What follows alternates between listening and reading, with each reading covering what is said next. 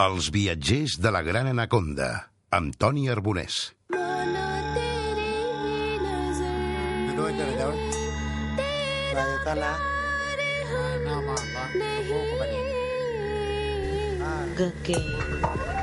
Please hear my anguish words of truth.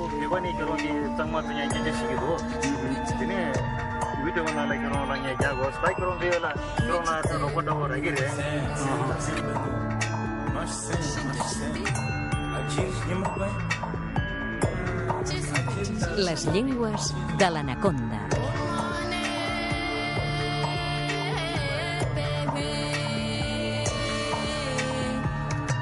David, què tal, com estàs?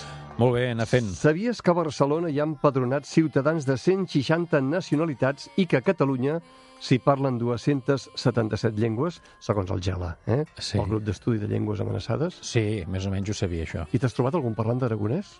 Algun parlant de... Sí, tant. En conec una. En coneixia dos. Un, malauradament, doncs... Però ja no es parlen gaire ja bé. no, és- no és una llengua que es parla molt es parla poc. poc. Es parla poc, sí, sí, sí, sí. Doncs sí, home, ja que ho dius així, què et sembla si parlem de l'aragonès? Clar, perquè sempre parlem de llengües... Sempre doncs, parlem de llengües lluny- d'allà, lluny. Geogràficament llunyanes, no? I tot exòtic i estrany i ben lluny, doncs avui parlem d'una llengua que tenim ben a prop, amb la qual doncs, hi havíem compartit corona. I Bé, de, de fet, encara hi compartim corona. Sí, sí. Passa que la corona és diferent. Clar. Abans era la corona d'Aragó I ara és- i ara és una altra corona, Exactament. la corona espanyola. Sí, bé, tan junts, tan junts que vam estar i tan allunyats que a vegades percebem que, que estem ara, no? Exacte. Segons doncs, com. doncs parlarem una mica de l'aragonès, David Valls, lingüista. que va néixer a l'Aragó, com el seu nom indica. S'ha d'especificar. No, no, no, no.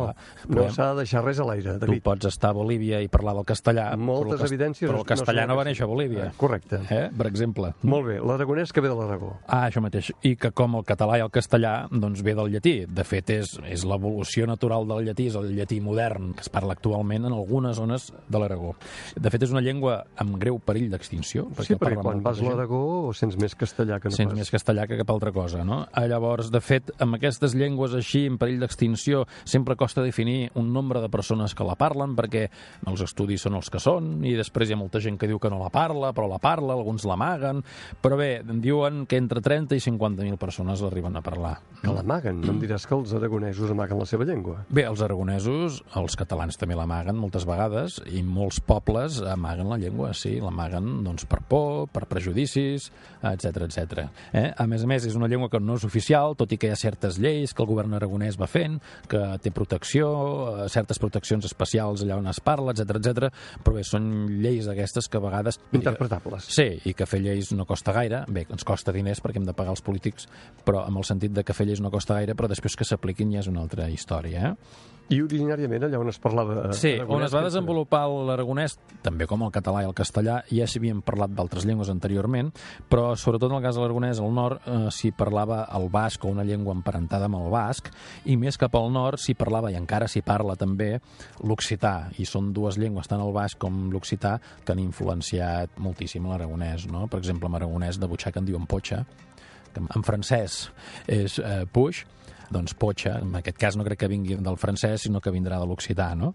Bé, en qualsevol cas, doncs té aquesta influència i que els va passar als aragonesos, a més a més, doncs els aragonesos com els catalans van anar fent la conquesta cap a baix, van anar expulsant els musulmans, els àrabs, sobretot el País Valencià, el Regne de València, les comarques de la costa doncs, van ser repoblades per catalans i les comarques de l'interior fins a Múrcia van ser repoblades per aragonesos. Per tant, històricament, a les comarques de l'interior i fins a arribar a Múrcia eh, s'hi havia parlat no castellà sinó aragonès, no? que passa que l'aragonès s'ha perdut, tot i que en queden paraules, girs lingüístics, alguna expressió, i en allà històricament s'hi feia servir el dret aragonès, com a la costa s'hi feia servir el dret català, Ja se sap que, hi- que històricament l'Aragó sempre ha cercat una sortida al mar per València. Sí, sí, sí, sí, sí. Vull dir que ja els anava bé, això d'anar Sí. comprant els musulmans cap al sud. Ah, això mateix. El que passa que els van escombrar per dins, Clar, no clar, per la costa. no per la costa. Perquè si veiem el País Valencià veurem on es parla català històricament, que és tota la costa, no? Ah, llavors, el que li va passar a l'aragonès? Tot i que l'aragonès l'aragonès va ser una llengua que es feia servir fins i tot a la cort dels reis i certes elites, no, no va acabar mai de ser una llengua prou estesa entre la burgesia i les elites aragoneses. Eh, no va haver-hi mai un segle d'or de la literatura aragonesa. Per què? Perquè els centres de poder de seguida van ser traslladats primer a Barcelona amb la corona d'Aragó, Barcelona i València, i es feia servir el català, per tant la noblesa aragonesa feia servir el català, també el llatí, eh? I posteriorment, doncs, el centre de poder es va traslladar a Castella i va ser el castellà la llengua que van acabar utilitzant i, i la llengua que definitivament s'ha acabat menjant l'aragonès, no?, bàsicament. I llavors com es pot entendre la vitalitat de l'aragonès en aquella època? Clar, bé, es pot entendre perquè no deixar de ser també una llengua de culte utilitzada per certa part de la burgesia i també per la mateixa corona, eh, pels reis que feien documents en aragonès, però per entendre una mica també la importància de la llengua que havia tingut, no? doncs hi ha molta literatura abundant no? durant el segle XII, XIII, XIV, XV, no? molts documents administratius, etc etc. però hi ha un personatge molt famós que es diu Joan Ferrandes d'Herèdia, que va ser un escriptor i diplomàtic nascut a Calatayud, o en català antic Catatauit, en aragonès Calatayú, no? que va traduir moltes obres a l'aragonès, eh, sobretot clàssics grecs com Tucídides o Plutarc, per exemple. Aprofito per dir que Calatayud ve de l'àrab Calat al-Ayub, que vol dir el castell d'Ayub. Home, sí, eh, Aprofitem, Calat, som, eh? Calat de l'Ayub va ser capital d'un emirat musulmà Sí. que va existir entre el 1046 i el 1055, part de la taifa de Saracusta. Caram. Atenció aquí, eh? Que Atenció. Saracusta i ens pot eh, fer una mica de música a les orelles. Ah, sí, sí, sí. Saracusta, Saragossa... Ah, és veritat, clar, No? tens raó. Sí, sí, sí, sí, sí, sí. Doncs això, va passar que al trasllat dels centres de poder, eh, les llengües sempre van associades també al poder, doncs es va deixar d'utilitzar l'aragonès i l'aragonès es va anar perdent, es va deixar de transmetre, va quedant més arraconat doncs, cap als Pirineus, per exemple, i cap a certes parts de l'Aragó, no? Clar, però la clau jo crec que deu estar en les elites, no? La clau d'una llengua. Si, si, Sí. si aquesta elit parla la llengua, doncs la llengua perdura. I si les elites se'n van cap a un altre costat, A veure, hi ha, hi ha casos de tot i excepcions de tot, eh? Moltes vegades l'elit no poden amb la llengua del poble, eh? S'ha donat en molts casos que, per exemple, a Flandes, l'elit, no? La burgesia va adoptar el francès, però el francès no va poder amb el neerlandès, que era la llengua que parlava el poble. A Finlàndia, les elits i la burgesia parlaven suec, però i l'administració, però no va poder amb la llengua del poble, que era el finès, no? Però també hi ha hagut casos, doncs, les elits angleses van adoptar el francès, això fa molts anys, el francès no va passar al poble, però sí que es va crear, de fet l'anglès podríem dir, amb aquell programa que parlàvem del pidgin, no? el crioll, l'anglès, si no és un crioll que és una barreja d'anglès i francès gairebé, perquè de les llengües germàniques és la més llatina de totes, no? que diuen. Llavors aquell vocabulari, va quedar un munt de vocabulari llatí, d'origen llatí i d'origen francès, sobretot en l'anglès, que encara perdurarà ara. I gràcies a això, l'anglès, encara que hi ha molta gent que no ho pensi així, és una llengua germànica que per nosaltres és fàcil d'aprendre, Mm. perquè la majoria de vocabulari és molt semblant, no? Llavors, eh, Bé, si tu això- agafes això textos és- d'anglès antic i veuràs que és una cosa que no s'entén res, no? sí, sí, però això que és fàcil és, és un tòpic, eh? És un tòpic, Tot s'ha però, d'estudiar, eh? però no és tan difícil. No és tan difícil Com el xinès o com altres llengües. Bé, tot és com posar-s'hi. el neerlandès mohawk que parlaves l'altre dia. Ah, és veritat. Va, però parlàvem de l'aragonès. Ens l'aragonès. L'aragonès, doncs, com totes les llengües, té diverses variants, que les variants que han quedat en aquests moments i que encara es parlen doncs, és l'aragonès occidental, que es parla a la conca del riu Aragó, on allà diuen en sotano, no? i el cheso diu, jo, jo parlo en sotano, jo parlo cheso. Moltes vegades en aquestes llengües es fa servir el nom del poble on es parla, no? No et diran, no, jo parlo aragonès, no, aquí parlem, aquí xerramos en sotano, no? I potser alguns fi- fins i tot et diran que allò no és aragonès, que és en sotano i prou, no? Bé, aquestes coses passen. Hi ha l'aragonès pirinenc central, no? que va des del riu Gàllego fins al riu Cinca, i pel sud passa fins a Bassa i Guarga, i hi ha les varietats anomenades, doncs, es diu Tensino, Balsetan i Vallivió, també en, són noms que agafen de les poblacions i de les zones on es parla. Hi ha l'aragonès a la zona oriental del Cinca, la, va del Cinca, perdó, a la conca de l'Éssera, no? amb les varietats anomenades Chistavino i Fovano i Benasquès, així com també els parlars aragonesos ribagorçans i de transició de català, al català. Aquí hi hauria una mica de polèmica perquè alguns d'aquests parlants que hi ha gent que diuen que és aragonès en català i n'hi ha que diuen que és català Que amb aragonès. amb aragonès i aquí, però avui no entrarem en aquestes En aquests detalls. Ah, això mateix. Llavors hi ha l'aragonès somontanès, eh, que es parla a la Hierve, eh, a Somontanos d'Osca o Somontanos d'Uesca, d'Uesca, que En diuen en aragonès.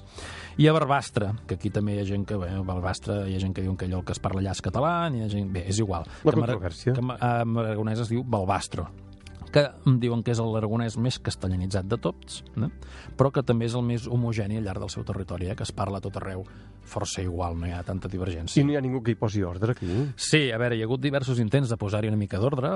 Des de l'any 2006 que existeix l'Acadèmia de l'Aragonès, que vetlla per la llengua aragonesa, per la seva promoció, estudi i per la seva estandardització tot i que tenen molts pocs recursos. Potser és massa d'hora per perceben els resultats? Potser és un pèl massa d'hora, perquè, esclar, del 2006 doncs no és gaire, i les llengües a vegades és lent, no? Els processos, tu fas una gramàtica, una ortografia, fins que la gent l'accepta i se la mira del dret i del revés i si comença a escriure, no?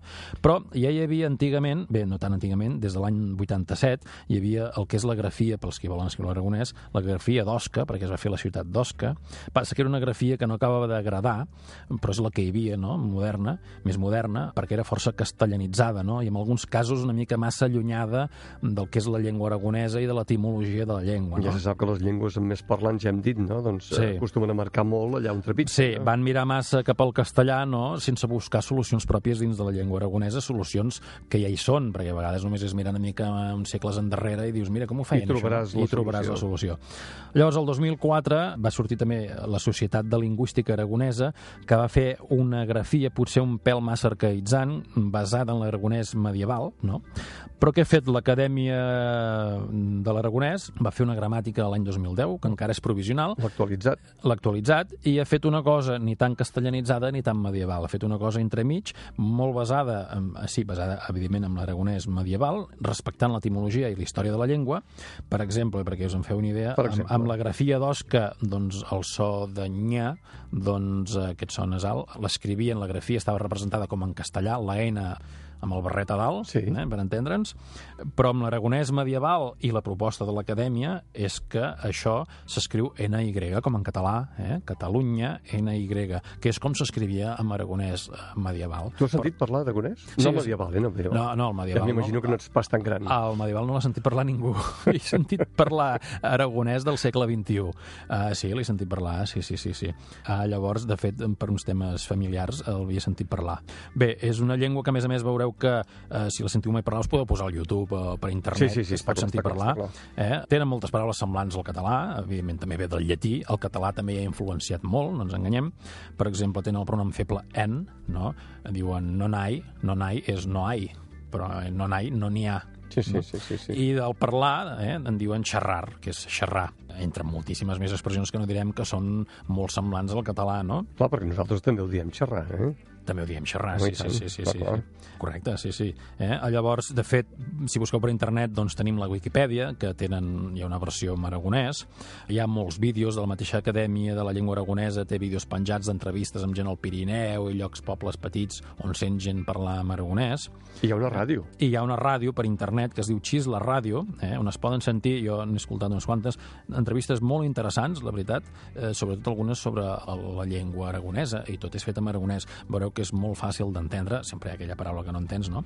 Però és molt interessant, jo ho recomano. Ràdio Xisla, Xisla eh, amb CH. que per cert, nota de la teva Sí, recomanació. que per cert, Xisla vol dir gota d'aigua, Ah, que bonic. en aragonès, eh? que bonic. Sempre prenem coses amb tu, eh, Sempre. David? I tant. Fins aviat. Vinga, moltes gràcies. Gràcies a Adéu. tu. Les llengües de l'anaconda, de David Valls. Ara també a les llibreries. Viena Edicions.